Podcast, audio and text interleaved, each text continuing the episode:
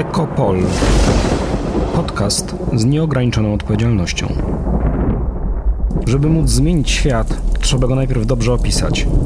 I po to właśnie będę opowiadał i rozmawiał z gośćmi podcastu ekopolitycznego. O wyzwaniach na dziś, na jutro i na wczoraj. W Polsce w epoce kryzysu klimatycznego, wojny i zarazy. O tym, jak możliwa jest ekonomia obważanka w czasach polityki, czołgów i dronów, a także o wielkich ideach w niedużym kraju peryferii. Zapraszam, Michał Sutowski. Witam Państwa w kolejnym odcinku Ekopolu, podcastu z nieograniczoną odpowiedzialnością. Dzisiaj porozmawiamy o tym, czy górnicy będą walczyć z wiatrakami i pod jakimi warunkami rozproszona energetyka wiatrowa będzie ofertą atrakcyjną dla ludu pracującego i nie tylko, mniejszych przede wszystkim miast i wsi. To w pierwszej części, w której naszym przewodnikiem będzie dr Mateusz Piotrowski, działacz społeczny, intelektualista związany ze Stowarzyszeniem Pacjent Europa i w moim przekonaniu jeden z najważniejszych w Polsce rzeczników sprawiedliwej transformacji energetycznej. Dzień dobry. Dzień dobry. A później opowiem o tym, jak się kiedyś pisało historię cywilizacji z perspektywy źródeł energii i jak można ją pisać tak, aby pomogła nam lepiej rozumieć teraźniejszość i bardziej świadomie i skutecznie kształtować przyszłość. Nasz dzisiejszy odcinek powstał przy współpracy z Fundacją imienia Heinricha Bella w Warszawie. Zapraszam do słuchania. Ekopol. Podcast z nieograniczoną odpowiedzialnością.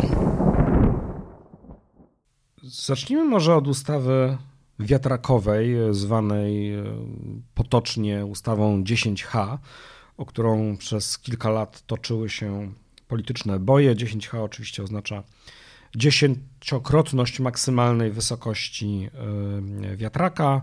I to jest ta odległość, w jakiej e, od najbliższych zabudowań nie wolno było tego wiatraka stawiać. Ta regulacja 10H e, w praktyce uniemożliwiała stawianie farm wiatrowych w Polsce po prostu ze względu na to, jaką mamy organizację przestrzeni, jak są zbudowane nasze miasta, miasteczka, wsie.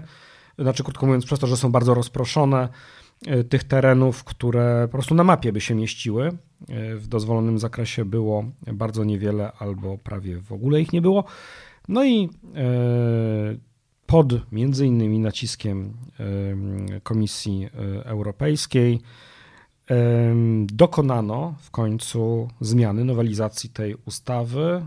Ten zapis 10H zamieniono. Toczyły się spory, czy to ma być konkretna odległość czy to ma być 500 metrów, jak niektórzy postulowali, czy 700 metrów, jak to ostatecznie y, jak to ostatecznie y, postanowiono. 500 y, domagał się Senat zdominowany przez opozycję, 700 postanowił rząd i ostatecznie taka, taka wielkość przeszła. Stanęło na tym drugim wskaźniku. No ja chciałbym najpierw zapytać, czy kiedy rozmawiamy o o rozwoju energetyki wiatrowej w Polsce, to czy ten spór 10H, 700, 500 to to jest w ogóle dobrze ustawiony spór?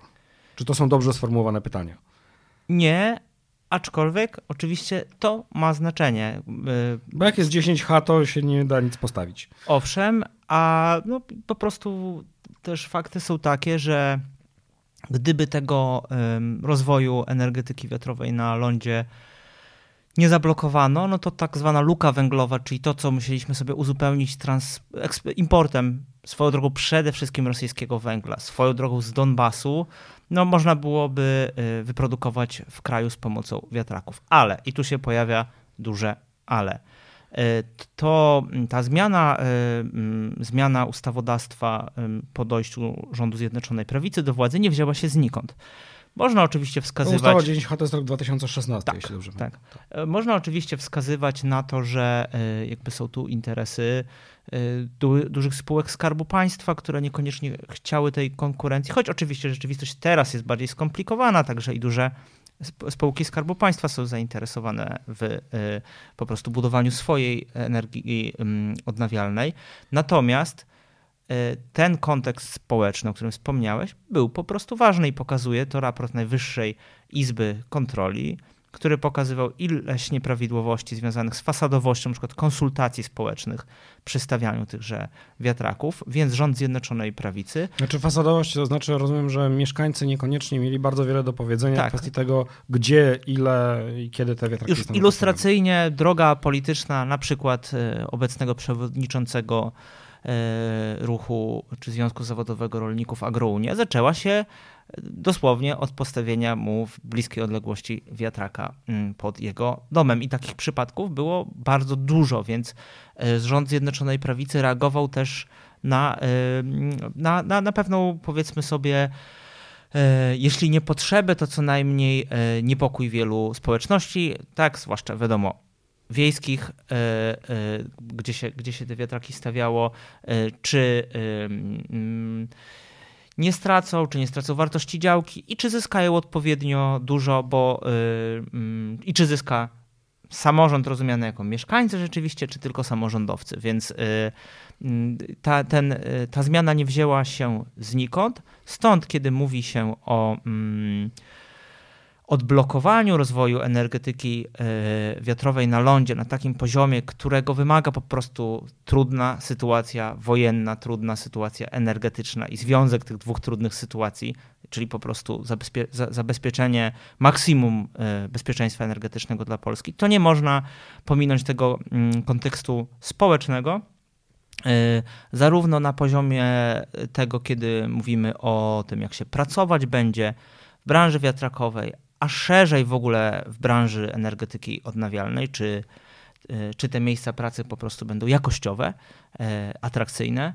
Mm, a po drugie, jak rzeczywiście będą wyglądały relacje między biznesem a społecznością na e, terenie, której to te wiatraki będą stawiane. To może jeszcze mm, dopytam w kontekście tej ustawy, a właściwie nowelizacji, bo to znalazł się taki zapis, że e, inwestor, no, czyli ten podmiot, który stawia, e, stawia wiatrak czy całą farmę wiatrową, ma mm, mieszkańcom e, danej gminy zaoferować jako takim prosumentom wirtualnym co najmniej 10% mocy zainstalowanej energii, która będzie, będzie tam wytwarzana. I każdy mieszkaniec takiej gminy będzie mógł objąć udział do 2 kW Y, y, tej energii, odbierać ją y, po cenie no, wynikającej z kalkulacji maksymalnego kosztu budowy. No, w domyśle mamy, mamy takie założenie, że to będzie energia tańsza niż z normalnej sieci, z normalnej oferty tych wielkich, wielkich producentów. No i czy to jest, czy to jest jakiś taki mm, zapis, który zmierza w tym kierunku, czy jakoś realizuje te postulaty, o których ty mówisz? Moim zdaniem jest to zapis ciekawy. E, pytanie, czy idący w gruncie rzeczy wystarczająco daleko, na przykład ze strony Ministerstwa Klimatu, kiedy się ten proces, ostatnie głosowanie e, e, w Sejmie no, miało miejsce, padł postulat referendum lokalnego, jeśli się nie mylę, nawet obligatoryjnego i no tutaj konieczne jest pewne wyważenie między jakby interesem państwa jako całości i tego, że potrzebujemy tych mocy jak najwięcej. Zostałem już teraz kwestia sieci i tak dalej, bo to wchodzilibyśmy w zbyt skomplikowane być może na jedną audycję tematy, a interesem tychże, e, no po prostu tak, mieszkańców. I e, tu się chciałem nie zgodzić z moją e, serdeczną koleżanką Wiktorią Jędroszkowiak. No nie, nie uważam, że to byłoby źle, gdyby takie referenda się odbywały, nawet gdyby coś w nich do powiedzenia miał tak jak Wiktoria pisała w twicie ksiądz proboszcz, no bo po prostu wtedy pozycja lokalnych społeczności wobec biznesu jest silniejsza i jeśli chodzi o na przykład o takie rzeczy, jak to jaki procent tej energii wyprodukowanej rzeczywiście y, zaspokajałby potrzeby tejże społeczności, a z przyczyn bezpieczeństwa, o czym na pewno wiele się w Twoim podcaście mówi, co pokazuje przykład wojny w Ukrainie, zdecentralizowana energia jest też energią e, bezpieczniejszą i, i na pewno jest to jeden z poziomów e, bezpieczeństwa energetycznego Polski. To powiedzmy mm, teraz o jeszcze kolejnym wymiarze, to znaczy y, mówisz interes y, społeczności lokalnej, jakby zagwarantowanie y, tego, żeby on mógł być w praktyce realizowany, żeby te społeczności miały miały po pierwsze głos, po drugie, żeby miały udział na przykład w zyskach, czy tak. to poprzez, poprzez wpływy podatkowe, ale także poprzez właśnie na przykład tańszą energię dostępną dla, dla mieszkańców.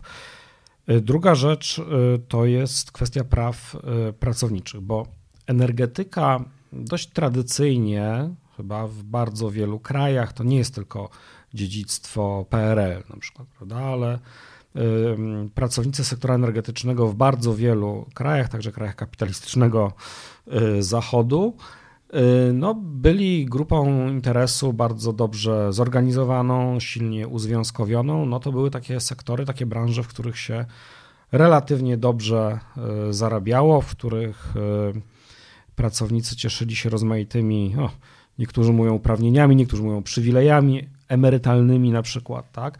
Ale krótko mówiąc, to był taki sektor, w którym dobrze było pracować, tak? Y, płace są zazwyczaj wyższe niż, y, niż średnio dla całej gospodarki. Oczywiście ta różnica też zależy od tego, na ile, na ile gospodarka jest zdominowana, na przykład przez sektor energetyczny. Czasem to y, prowadzi no, do takich już wynaturzeń, prawda? No, Rosja jest takim państwem surowcowym, w którym ta średnia wynagrodzeń, y, wynagrodzeń w właśnie sektorze paliwowym prawda, jest tak wysoka, że właściwie mało która branża może być konkurencyjna i to, to, to, to bardzo niedobrze wpływa na, na innowacyjność i potem na całą strukturę gospodarki. No niemniej, tradycyjnie to był taki sektor, w którym się dobrze pracowało, nieźle zarabiało. Y, czy energetyka odnawialna może również generować dobre miejsca pracy? No, y, na razie y, tak, tak, tak mówi opinia y, osób się tym interesujących, również związkowców. Te warunki pracy obecne, tak, przy, przy tym, że, że, te, że ta, ta praca przy wiatrakach dopiero będzie się jakoś silniej rozkręcać, no jakby pozostawiają wiele do życzenia. Co, patrząc na troszeczkę szerszy obrazek, tak, jakby mm, biorąc taki dalszy zoom, nie jest specjalnie zachęcające z punktu widzenia poparcia społecznego dla mm, procesu sprawiedliwej transformacji. E, jedne, jedno badanie Cebosu niedawne pokazuje, że po raz pierwszy w historii mamy do czynienia z taką sytuacją, kiedy więcej obywateli Polski uważa, że Unia Europejska ogranicza suwerenność naszego kraju, niż jest przeciwnego zdania. I, yy, bada... I kontekstem mhm. dlatego nie są sądy, nie jest praworządność, tylko raczej Kwestia energetyki? Raczej kwestia tego, co się, co, co, co się mówi o, y, o wpływie y, również. Nie, nie, nie, nie, trudno mi to rozłożyć na czynniki. Pierwsze, ilu ludzi uważa też, że spór o, o praworządność jest tu, jest tu istotnym czynnikiem. Nie lekceważyłbym wstrzymania pieniędzy z KPO w y, tej wpływie na tę opinię. Natomiast strach przed tym, że zielona transformacja, jakiej tam nie nazwiemy, doprowadzi do spadku poziomu życia, i ograniczenia pewnej sprawczości, tak, prawa do mobilności, poruszania się samochodem, posiadania własnego mieszkania i tak dalej i temu podobne, nie jest, y, no jakby trudno, trudno to usunąć z tego obrazka, bo w tej chwili polityka klimatyczna kojarzy się przede wszystkim z ograniczeniami. Kiedy mówi się o ograniczeniach konsumpcji, to zazwyczaj jednak obywatele mają prawo na podstawie tego, jak wyglądał kryzys z 2008 roku, myśleć, że te ograniczenia dotkną raczej ludzi mniej zamożnych niż y, ludzi najzamożniejszych, którzy zawsze y, wydaje się przynajmniej wielu respondentom takie furtki sobie znajdą, żeby gdzieś. Że zawsze wyjdą na swoje. Tak? Dokładnie. Tak? Mhm. Więc pytanie jest takie, o czym jest przede wszystkim transformacja? Czy ona jest o ograniczeniach narzucanych przez Brukselę, czy jest o zielonym przemyśle i dobrych miejscach pracy. Jak się czyta badania takie pogłębione, to wychodzi, że powiedzmy pewną segmentację polskiego społeczeństwa, że grupą potencjalnie bardzo proklimatyczną jest tak zwany prawicowy pracownik, czyli wyborca Prawa i Sprawiedliwości, znacznie bliższy Kościołowi katolickiemu niż wyborca Konfederacji przeciętny, e, robotnik, często robotnik wykwalifikowany. Także to dotyczy kobiet. To nie jest jakoś bardzo męska grupa. Mówię w pewnym, tak samo prawicowa pracowniczka czy pracownica.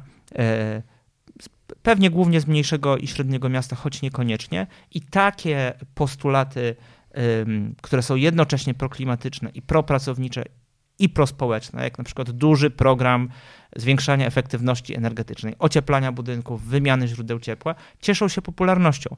I dlatego, wracając do tego naszego, e, naszego tematu e, bezpośredniego, e, nie dziwię się, że znaleźli się tacy związkowcy, którzy w, przed tym wspomnianym głosowaniem powiedzieli: OK, to są nowe miejsca pracy, ewentualne przy, przy wypadku odblokowania rozwoju tej energetyki wiatrowej na lądzie, ale pytanie jest, jakie są to miejsca pracy? Mm, więc y, y, stąd, stąd też pewnie pojawia się ten pomysł, istotny z punktu widzenia y, uzwiązkowienia, które my też w Stowarzyszeniu Pacjent Europa uznajemy no za jakby pewien standard cywilizacyjny. To, że mamy tak niskie uzwiązkowienie, to nie jest tylko słabsza pozycja pracowników, to jest też gorsza e, innowacyjność naszej gospodarki. Jeśli ono, ona dalej będzie się utrzymywać, w takiej pozycji, w której konkurujemy głównie tanią pracą. Pytanie w ogóle, czy możemy dłużej konkurować tylko tanią pracą, na co wskazują jakby nie tylko prezes Kaczyński na ostatnim wystąpieniu, pokazujący, że ta luka między nami a państwami gospodarek zarządczych, powiedzmy, północy Europy się nie zmniejsza.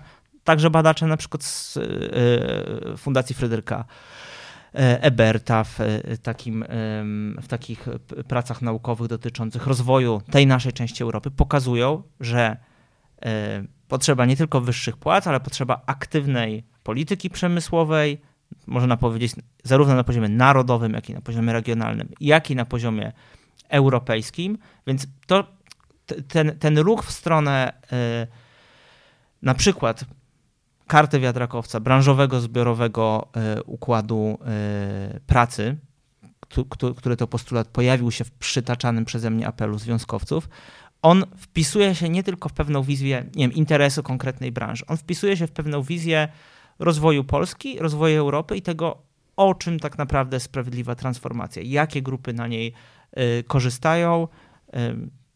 Tak. No właśnie, jakie grupy? Bo mo można odnieść wrażenie, że taki tworzy się taki jakby wielokąt y, interesów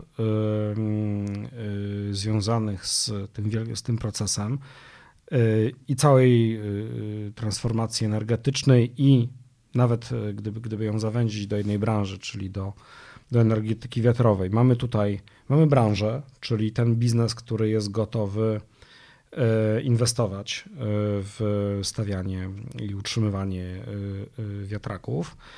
Mamy ruch ekologiczny, czy powiedzmy ruchy ekologiczne, bo to jest oczywiście mhm. bardzo zróżnicowane środowisko, no ale które generalnie optują za rozwiązaniami, które obniżają z ostatecznym horyzontem neutralności klimatycznej emisyjność naszej gospodarki.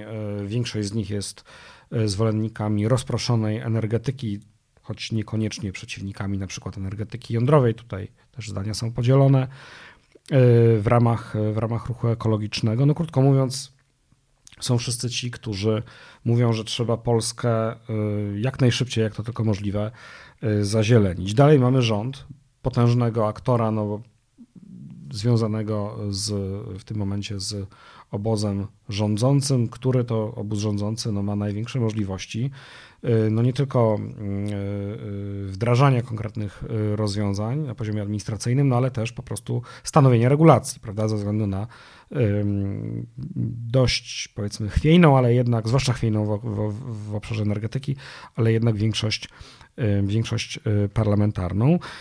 Dalej mamy samorządy, które często reprezentują zupełnie inną opcję polityczną niż obecny rząd, a czasem też y, sytuują się w ogóle poza tym głównym sporem rząd-opozycja. No i wreszcie mamy samych mieszkańców, bo oczywiście samorząd to są teoretycznie wszyscy mieszkańcy, no ale w potocznym rozumieniu samorząd to są samorządowcy, mówiąc urzędnicy Y, i włodarze, a mieszkańcy to jakoś jeszcze mm, osobna grupa. No i faktycznie ich interesy y, niekoniecznie, czy wyobrażenia o tym, y, co należy, jak należy te, mm, te procesy prowadzić, w jaki sposób na przykład przekształcać naszą energetykę, że te ich wyobrażenia nie muszą być tożsame. No i właśnie pytanie brzmi, czy, i znowu, czy to jest mhm. dobrze postawione pytanie, czy w tym układzie można wskazać na awangardę i hamulcowych procesu, czy to jest jakoś bardziej złożone? Na pewno rzecz różnicuje się regionalnie. Ja może powiem bardzo krótko o regionie, który znam prawdopodobnie najlepiej, jeśli chodzi o regiony transformacyjne, czyli o Wielkopolsce Wschodniej, skupionej wokół Konina. Y, I y, to jest o tyle ciekawy przypadek, że tam y, mm, no ten pejzaż jest, jest w ogóle skomplikowany, bo jest prywatny, duży przedsiębiorca, zespół elektrowni Pątnów Adamów Konin, który kończy wydobycie, co powoduje, że jest to region, nie tylko to, tak, ale również praca mm, organizacji pozarządowych miejscowych, pewna otwartość samorządu i przede wszystkim pieniądze z Funduszu Sprawiedliwej Transformacji, że to jest taki region, e, który jest de facto w awangardzie i w który te, jakby mu, musi, musi wymyślić się na nowo, musi budować sobie nowy e, silnik e, rozwoju gospodarczego, ale chciałbym, żebyśmy wiedzieli, że to nie jest kwestia tylko Konina, że za chwilę przed tym problemem będzie trwa, stał Bełchatów, który też jest, mówiąc w pewnym uproszczeniu, monokulturą. Tak, jakby regionem zależnym od jednego dużego pracodawcy, który mm, skończy wydobycie prawdopodobnie tak jak to było w Wielkopolsce Wschodniej, szybciej niż zapowiadają teraz dokumenty. No i co wtedy z, y, jeśli naprawdę nie chcemy takiej powtórki z lat 90., którą ja jeszcze pamiętam ze swojego regionu i z, widziałem, jak to wpływa na rodziny moich kolegów we wschodniej Polsce w czasie tamtej transformacji, no to jakby nie można czekać do ostatniego momentu i w tym sensie współpraca samorządu, związków zawodowych w Wielkopolsce Wschodniej, innych, innych e, wymienionych przeze mnie interesariuszy. Jest o tyle istotna, że e, no, będzie się po prostu przekładać na tworzenie nowych miejsc pracy w miejsce tych, które, które będą w tym sektorze mm, energetyczno e, węglowym powiedzmy mm, znikały, bo prywatny, prywatny inwestor gdzieś indziej będzie rozwijał projekty zielone pod Świdnikiem, nie, nie pod Koninem, tak zdecydował. E, I moim zdaniem wsparcie eksperckie, zainteresowanie powinno być na tym regionie, bo nie tylko inne regiony, ale i inne branże będą przez coś, przez coś podobnego e, przechodzić. I tworzenie miejsc pracy, także spółdzielczych miejsc pracy, co będzie się działo w Wielkopolsce, wschodniej jest istotne, jeśli myślimy o tym, żeby takie regionalne, regionalne coś, coś, coś, co najbliżej przypomina jakiś plan zielonego zieloną strategię przemysłową, moim zdaniem, może powstawać na bazie tych terytorialnych planów sprawiedliwej transformacji, bo te regiony i tak będą musiały się zmierzyć z tym wyzwaniem, cokolwiek by y, nie mówili oficjalnie y, politycy. No właśnie, to może jeszcze do, dopowiedzmy, mm, od czego właściwie to zależy, czy region y, jest w stanie, czy jest gotów mierzyć się z tym wyzwaniem, znaczy wymyślać się trochę na nowo. Ja rozumiem, że część z tych czynników może mieć charakter obiektywny, no bo Bełchatów na przykład to jest e, taki obszar, gdzie nie było jakiegoś rozbudowanego osadnictwa na przykład, ani gospodarki, e, zanim nie powstała e, gigantyczna kopalnia odkrywkowa, a następnie elektrownia węgla brunatnego Bełchatów, największa w Europie, jeśli się nie mylę, i jedna z największych na świecie tak naprawdę, tak. bo to jest ponad 6 gigawatów mocy, mniej więcej 1 czwarta naszego zapotrzebowania w szczycie w szczycie mocy letnim, czyli strasznie, strasznie dużo, jednocześnie jeden z największych emitentów gazów cieplarnianych e, w Europie. E, z drugiej strony ty podajesz i Aha, no i właśnie, no i w Bełchatowie to z kolei są na to też e, badania, które prowadził jakiś czas temu zespół profesora Przemysława Sadury, który wskazywał no jednak, że zarówno po stronie przedsiębiorców, jak i samorządowców no jest jednak bardzo duży opór Y, wobec y, w ogóle polityki klimatycznej, samej, samej narracji na temat tego, że klimat się zmienia i coś z tym trzeba zrobić, prawda? I że potrzebna jest e, mitygacja tej zmiany poprzez dekarbonizację gospodarki. Z, z, z czego Twoim zdaniem wynikają te kluczowe różnice? To znaczy, że mamy regiony, w których no w pewnym sensie pogodzono się z tym, że dekarbonizacja jest nieunikniona i że w związku z tym podejmuje się e, rozmaite działania na rzecz tego, no żeby znaleźć na przykład nowe, stworzyć nowe miejsca pracy, ale też nowe możliwości produkcji energii, tak? czyli nie zupełnie przestawić się na coś, na coś, na jakąś kompletnie inną branżę, tak? kompletnie inne źródło dochodów, tylko po prostu zmianę źródła energii, no ale jednak to jest cały czas produkcja e, e, energii. No a gdzie indziej to jest dużo trudniejsze. Z czego Twoim zdaniem wynikają te różnice? Oczywiście no tutaj jest różnica podmiotu właścicielskiego, tak? Mhm. Mówimy o prywatnej e, elektrowni i kopalni w przypadku Wielkopolski Wschodniej i o państwowym podmiocie w przypadku Bełchatowa. Natomiast też e, ten obraz jest bardziej skomplikowany, bo e, czy mm, również górnicy związkowcy z Bełchatowa, z którymi się zdarza rozmawiać, czy wszyscy są tak mocno przekonani, że na pewno nowa odkrywka, tak jak obiecują politycy w Złoczewie, będzie otwarta i to wydobycie się przedłuży o tych parę lat? No, mają co do tego duże wątpliwości, czy nie jest to kwestia jednak tylko kampanii wyborczej. E, I po prostu przy obecnym tempie wydobycia, jeszcze przed wojną zresztą in, intensywnym, no ten węgiel się tam skończy wcześniej niż mówią te oficjalne dokumenty. Jakby to, to mówię na podstawie jakby wiedzy osób, które operują tymi koparkami wielonaczyniowymi i tak dalej. Więc, no a nawet, nawet gdyby, gdyby jakieś, jakieś te szacunki były bliższe prawdy, czy te obietnice, no to region naprawdę musi mieć na siebie pomysł y, y, i tego się nie da zaplanować w ostatniej chwili.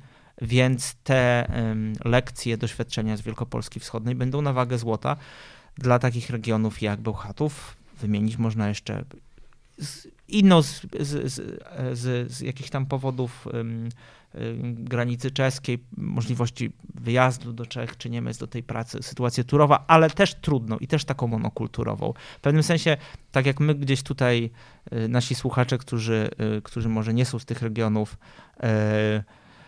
no, myśl, słyszą o tym węglu, to myślą automatycznie o Górnym Śląsku i Katowicach. W Katowicach już nie ma kopalni.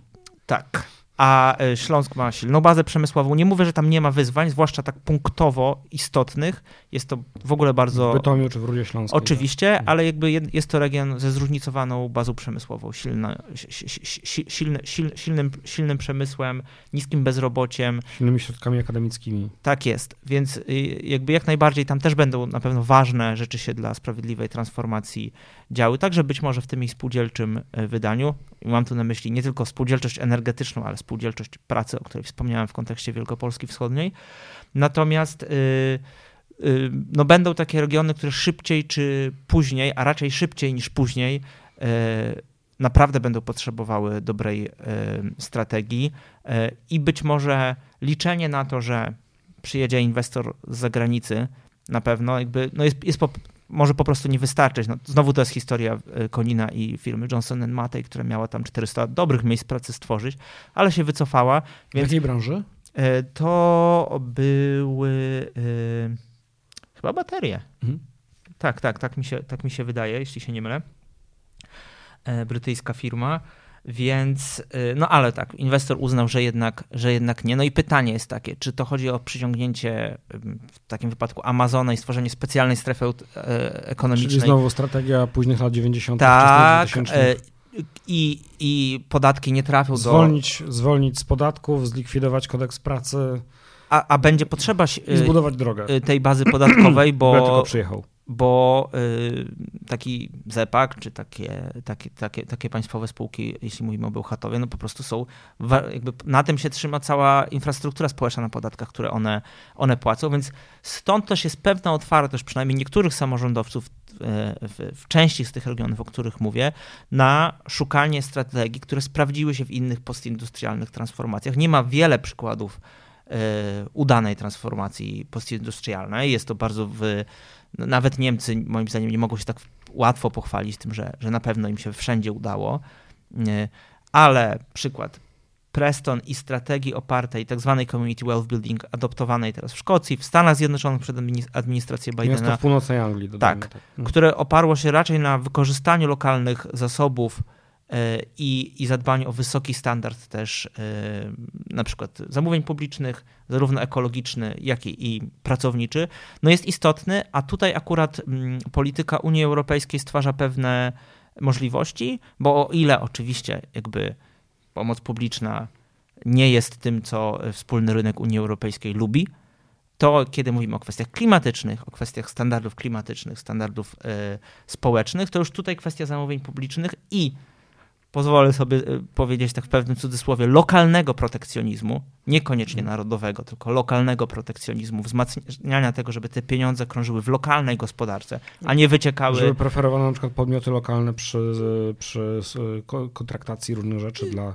tak. dla większych podmiotów. I podmioty, które jakby zapewniają wysokie standardy y, pracy, a co więcej mogą, mogą też realizować cele, y, cele ważne społeczne, ekologiczne, tak żeby nie kanibalizować miejscowego, lokalnego biznesu, tylko raczej prywatnego, no bo też nie o to chodzi, tylko raczej zagospodarowywać pewne nisze, zaspokajać pewne potrzeby y, społeczności miejscowej, które nie są zaspokojone, to jest, to jest pewien, pewien ciekawy kierunek i, i y, oparty na, na, na, no znowu Greater Manchester to też jest taki przykład y, dosyć skutecznego wdrażania tych, tych polityk y, mm, community wealth building, o których wspomniałem.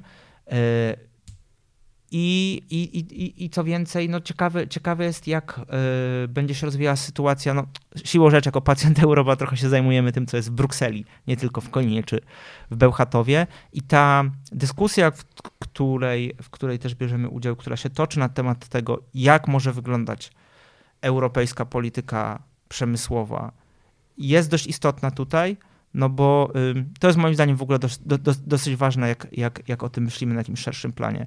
Po prostu opowieści o tym, że my zbudujemy swoją ym, suwerenność bez zielonej polityki przemysłowej, no nie, nie biorą pod uwagę twardej geopolitycznej y, rzeczywistości. Czyli, że mamy Inflation, Inflation Reduction Act, ogromny program w Stanach Zjednoczonych. I czy ktoś wierzy w zmianę klimatu, czy w nią nie wierzy, to te pieniądze... Faktem jest, że bardzo dużo biznesu będzie Tak. e, spływało do Stanów Zjednoczonych no I po to, żeby... Unia musi na to odpowiedzieć ze względu na konkurencyjność. Zostawiam już w ogóle na boku programy chińskie i jakby rolę y, y, i, i, i nowe, no, no, nowe pomysły związane z budowaniem rzeczywiście innowacyjności chińskiej gospodarki. Więc jeśli nie będzie narodowej polskiej strategii przemysłowej, która będzie zielona i przemysłowa, i jeśli nie będzie dobrej polityki w Unii, to y, po prostu z powodów właśnie geopolitycznych, rywalizacji tych przemysłowo-militarnych również bloków, y, no będziemy, używając frazy geopolitycznej, strefą zgniotu, także ekonomicznego, ale tutaj no jakby kwestią jest nie tylko nasza polityka, kwestią jest też na ile takie podmioty, na przykład jak Niemcy, będą skłonne do myślenia nie tylko w interesie swoim wąskim narodowym, ale w interesie spójności całej Unii, bo taka jeden fun fact liczba, odkąd poluzowano ym, zasady, powiedzmy sobie, pomocy publicznej, kiedy zaczęła się rosyjska agresja na Ukrainę, to z tej pomocy, na którą y, Unia Europejska się zgodziła, 53% to była pomoc w ramach Niemiec, niemieckiego rządu No dla niemieckich przedsiębiorców. stary, stary problem polegający na tym, że jeśli Tak.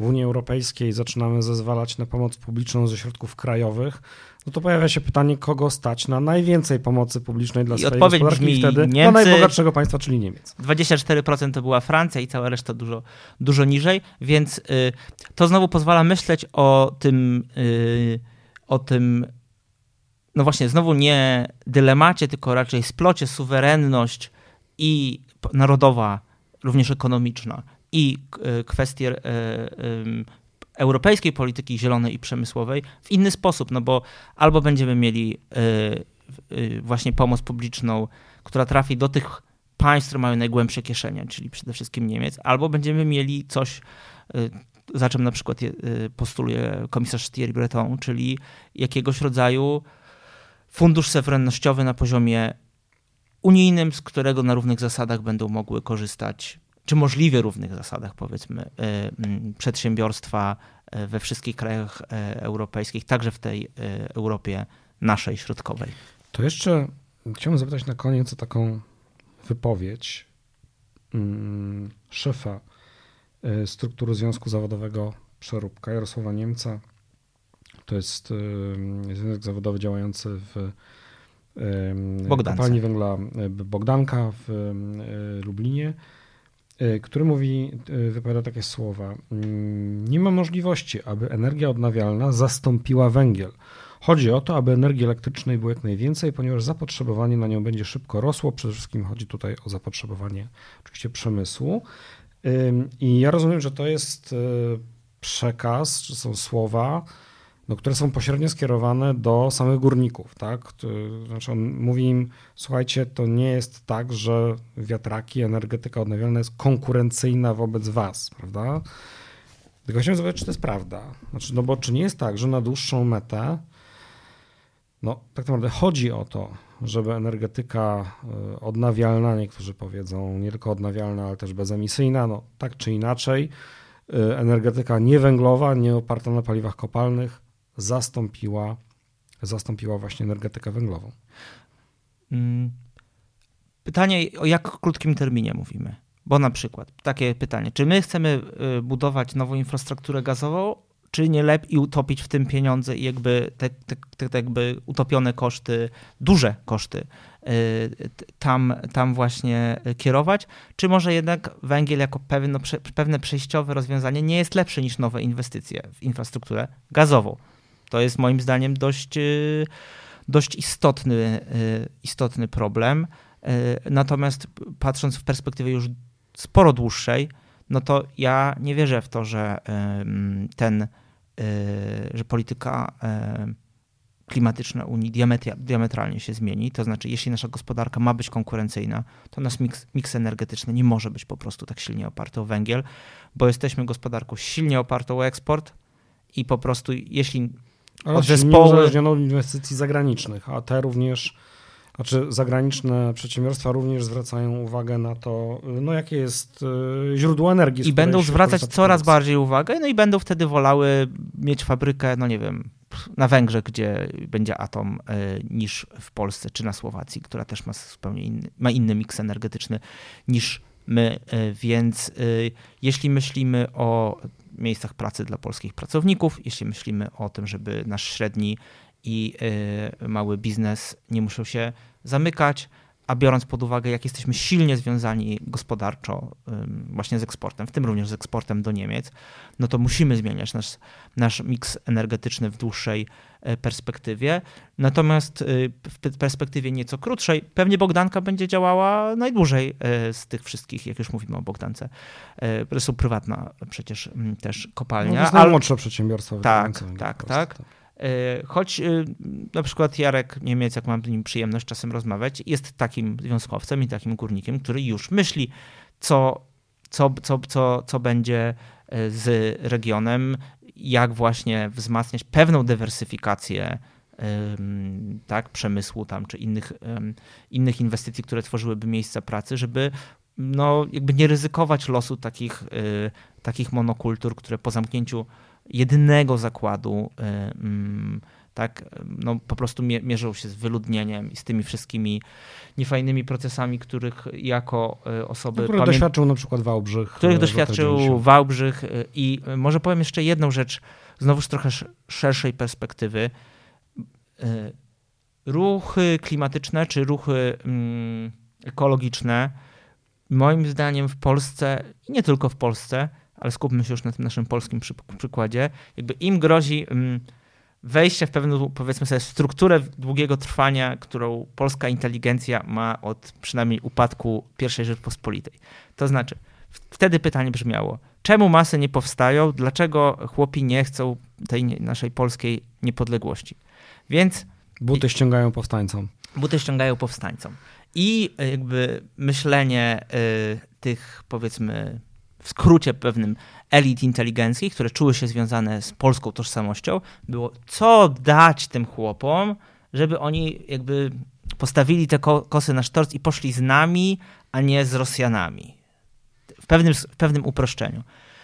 Y, natomiast jeśli myślenie jest w ten sposób transakcyjne czy instrumentalizujące, no to daleko nie pojedziemy. Będzie się kończyło jak. W, zresztą w bardzo dobrej, polecam wszystkim noweli Stefana Żeromskiego, rozdziubią nas kruki e, wrony.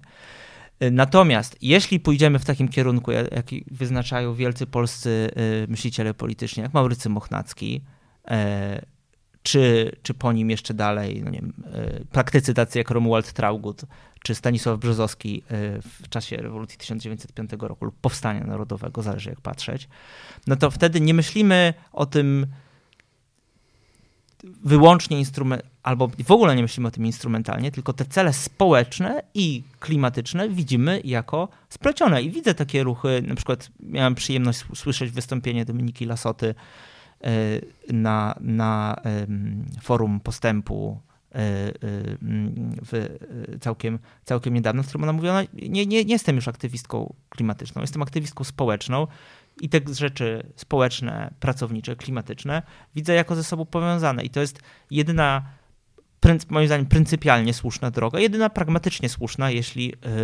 ta transformacja ma się y, w ogóle dokonać.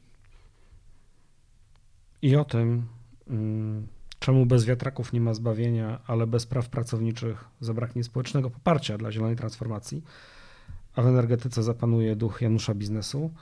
Opowiadał nam dr Mateusz Piotrowski ze Stowarzyszenia Pacjent Europa. Dziękuję bardzo. A w drugiej części naszego odcinka opowiem Państwu o tym, co przeczytałem w numerze czwartym z roku 2021 pisma History and Technology w numerze poświęconym historii przemian energetycznych i cywilizacyjnych. Ekopol. Podcast z nieograniczoną odpowiedzialnością. Historia cywilizacji e, tłumaczona, wyjaśniana, opisywana przez pryzmat e, przemian technologicznych to jest już bardzo bogata i mająca długą tradycję dziedzina dziejopisarstwa i nie jest bez znaczenia w jaki sposób o historii transformacji energetycznych i nie tylko E, piszemy. E, tej problematyce poświęcony jest szalenie ciekawy numer e, czasopisma naukowego History and Technology Journal z roku 2021. Bardzo gęsty, którego najważniejsze rozpoznania postaram się Państwu przedstawić dziś i w kolejnym odcinku. Zaczniemy od takiego mm, podsumowania, czy może wniosków, jakie, y, jakie płyną z tego, co, co autorzy tego, tego czasopisma i tego numeru nam, nam chcą, chcą przekazać. Otóż na historię przemian w energetyce i przemian cywilizacyjnych związanych ze zmianą źródeł energii można patrzeć no, co najmniej z trzech perspektyw. Trzeba powiedzmy te, czy, takich trzech wymiarów, które, które, które, na które zawsze trzeba zwrócić uwagę. Pierwszy to taki, że sukces bądź porażka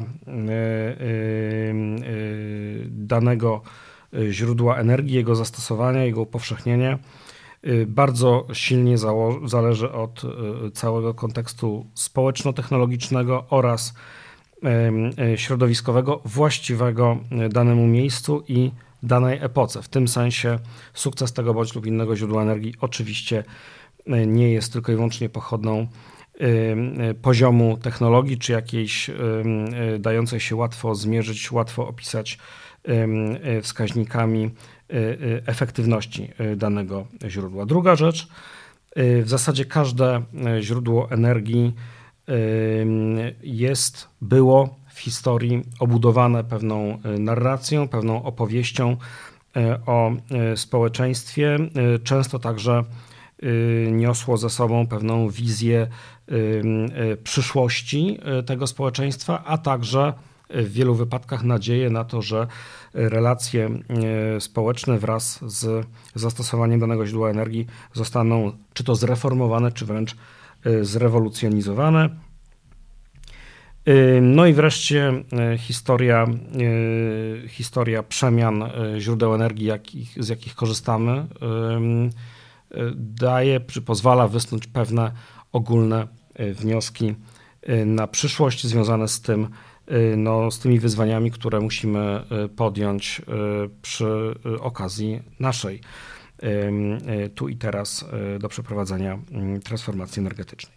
No więc pierwsza sprawa, zakorzenienie w kontekście społeczno-technologicznym i środowiskowym.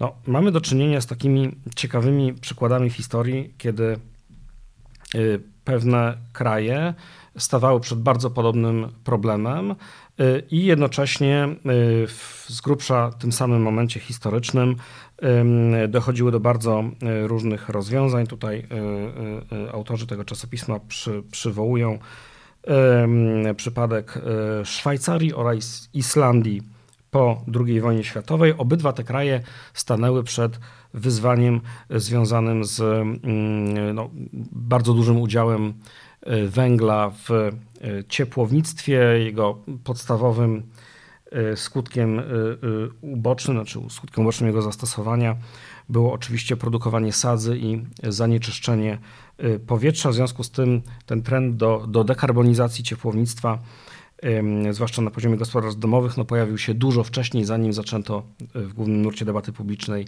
a nawet w środowiskach akademickich mówić o e, kwestii e, ocieplenia klimatu. Obydwa te kraje jednakowo zdecydowały się na źródło, które no, z dzisiejszego punktu widzenia może nie jest jakoś bardzo szczęśliwe, to znaczy zdecydowały się na olej opałowy. I tutaj kluczowym czynnikiem była czystość, ale czystość oczywiście rozumiana w takim bardzo e, dosłownym sensie. No, krótko mówiąc, e, e, spalanie oleju w kotłach nie produkowało tych wszystkich, tych wszystkich odpadów, z którymi mierzyć się musieli użytkownicy węgla. I Również poziom zanieczyszczeń powietrza, przynajmniej tych odczuwalnych przez, przez użytkowników, był dużo mniejszy. Co interesujące jednak, Islandia równolegle do przestawienia się na na olej opałowy, zaczęła intensywnie inwestować w energię e, geotermalną. To oczywiście wynikało e, z, z specyfiki geograficznej tego, tego kraju.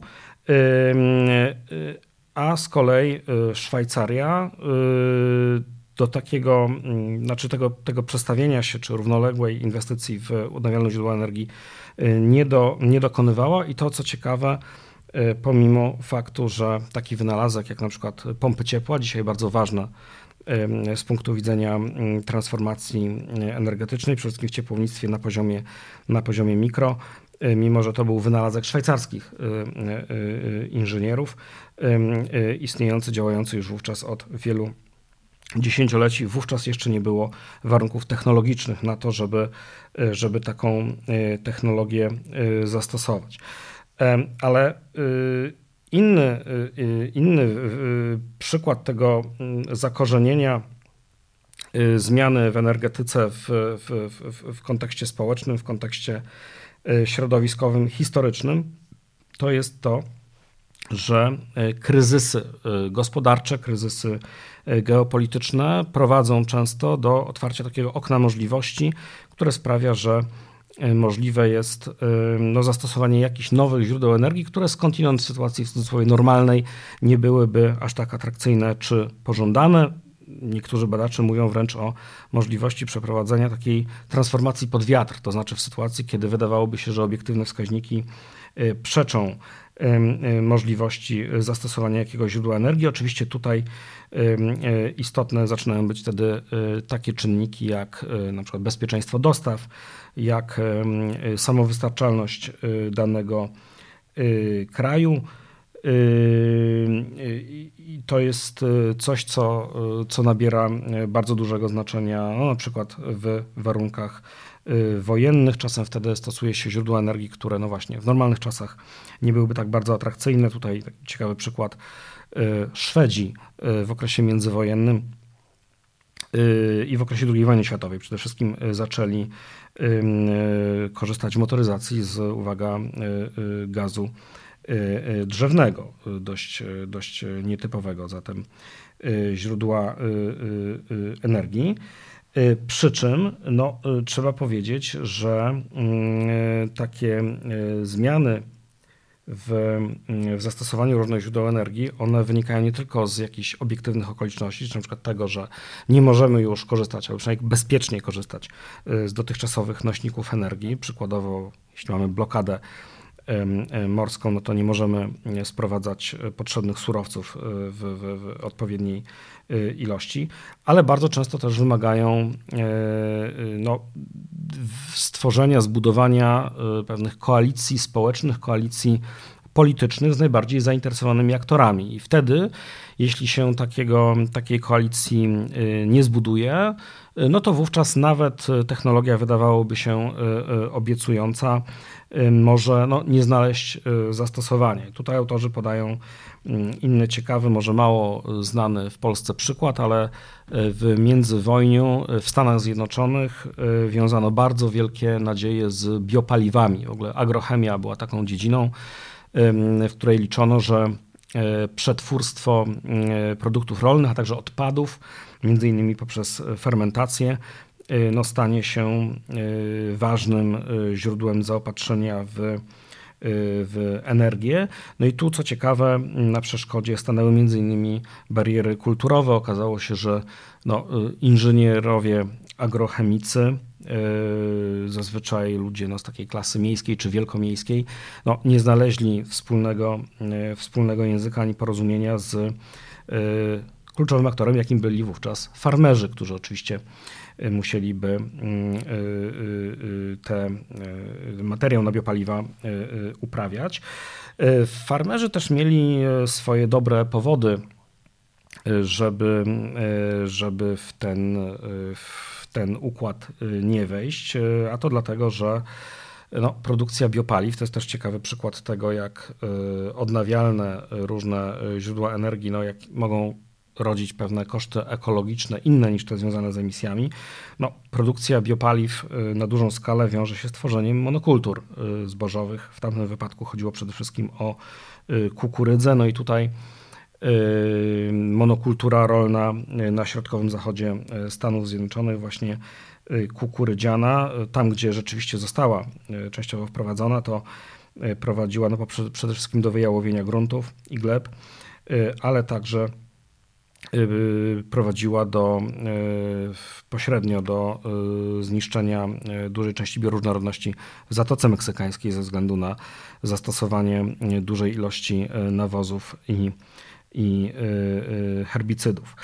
Y, jeszcze inny ciekawy, ciekawy kontekst, ciekawy wątek to jest tak zwany efekt odbicia, to znaczy mamy do czynienia z sytuacją, w której zastosowanie pewnej technologii, która jest na przykład niskoemisyjna, ale jednocześnie też bardzo opłacalna ekonomicznie, sprawia, że ogólne zużycie energii nie spada, lecz rośnie. I tu znowu przykład wspomnianej wcześniej e, Islandii, zastosowanie no, prawie że darmowej e, energii ze źródeł geotermalnych e, no, sprawiło, że przez bardzo wiele lat Islandia była krajem o bardzo wysokim zużyciu Y, energii na mieszkańca. Nie było, krótko mówiąc, bodźca do tego, żeby tę energię oszczędzać. No i oczywiście ktoś powie, energia jest za darmo, energia jest bezemisyjna, w związku z czym w czym problem? No ale jak wiemy, zużycie energii i konsumpcja wiąże się też bardzo często z zużyciem rozmaitych innych materiałów, które no już nie są neutralne czy, czy obojętne dla, dla środowiska. A zatem jeden wątek, zakorzenienie społeczne, zakorzenienie y, środowiskowe, zakorzenienie historyczne danego źródła energii. Nie można mówić o źródłach energii tylko w oparciu o dane techniczne. Y, zawsze należy brać pod uwagę Y, y, szerszy, szerszy kontekst. Druga sprawa, drugi wątek to jest pewne ramowanie czy opowiadanie tego, czym jest, czym być może dane źródło energii, z czym się może kojarzyć, no i jakie, z jakiego typu zmianą społeczną jego zastosowanie może się wiązać. No i tutaj ciekawostka, e, mianowicie e, źródła, to co znamy dzisiaj jako odnawialne źródła energii, przypomnijmy, to nie chodzi tylko o słońce i wiatr, ale też na przykład e, biomasę, czy energię z wody, czy też energię geotermalną. Tak naprawdę te trzy ostatnie były, były dominujące w, eporze, w epoce jeszcze przed, przed paliwami kopalnymi. Były to źródła, zwłaszcza biomasa, a potem y, hydroenergia. Były to też wehikuły modernizacji bardzo wielu, bardzo wielu krajów. No niemniej, co jest istotne, bardzo często, kiedy, kiedy argumentowano na rzecz inwestycji w tego rodzaju źródła, niekoniecznie argumentowano z ekologii, nie mówiąc już o, o, o niskiej emisyjności. No bo na przykład budowanie tam, szczególnie wielkich tam na rzekach, traktowano no jako takie wielkie prometejskie projekty opanowania natury przez człowieka i jednocześnie symbole no, takiej e, nieograniczonej niemal sprawczości państwa. I to dotyczyło e, zarówno mm, e, Stalinowskiego Związku Radzieckiego i, i wielkich inwestycji na, na przykład na Dnieprze, czy też mm, tam budowanych w Stanach Zjednoczonych w okresie międzywojennym. A zatem często to, co faktycznie było energią odnawialną, choć niekoniecznie bardzo ekologiczną, jaką są jaką są y, hydro, czy źródłem, y, jakim są hydroelektrownie, y, no niekoniecznie jego tworzenie było, było, było właśnie uzasadniane poprzez, poprzez argumenty ekologiczne. Kiedy argumentowano za elektrownią, za energetyką wiatrową, zwłaszcza w jej wczesnym etapie, to Y, nie mówiono o, tak bardzo, o, tak dużo o wy, wy, wymiarze ekologicznym, więcej o tym, że jest to źródło, które jest w dużej mierze samoobsługowe, czy też łatwe w obsłudze na poziomie lokalnym, na poziomie niedużej wspólnoty albo nawet indywidualnego y, użytkownika. Wskazywano też na nie, to jest przypadek y, Francji czy, czy, czy Niemiec w latach 70., 80., jako na wehikuł postępu dla, e, dla regionów peryferyjnych dotkniętych dezindustrializacją. Krótko mówiąc, odnawialne źródła energii reklamowano, czy ramowano, czy opowiadano jako lokalne, jako krajowe, jako dające samowystarczalność, jako darmowe, jako niewyczerpane, ale bardzo późno zaczęto mm, o nich mówić w kategorii źródeł odnawialnych. Inna jeszcze kwestia to jest to, e, jaka, e, jaka wizja e, społeczeństwa stała za danym źródłem energii. Znów one były bardzo różnie opowiadane. Legendarna jest wypowiedź Włodzimierza Lenina, który mówił, że komunizm to jest władza rad plus elektryfikacja. Prawda? Tutaj energia elektryczna miała być tym kluczowym czynnikiem modernizującym e, społeczeństwo, ale e, w podobnym duchu wypowiadał się e, wybitny socjolog, historyk, badacz miast Louis Mumford na Zachodzie, który mówił o tym, że prąd elektryczny przyniesie taką postprzemysłową, to ciekawy paradoks, epokę, którą nazwał neo, neotechniczną.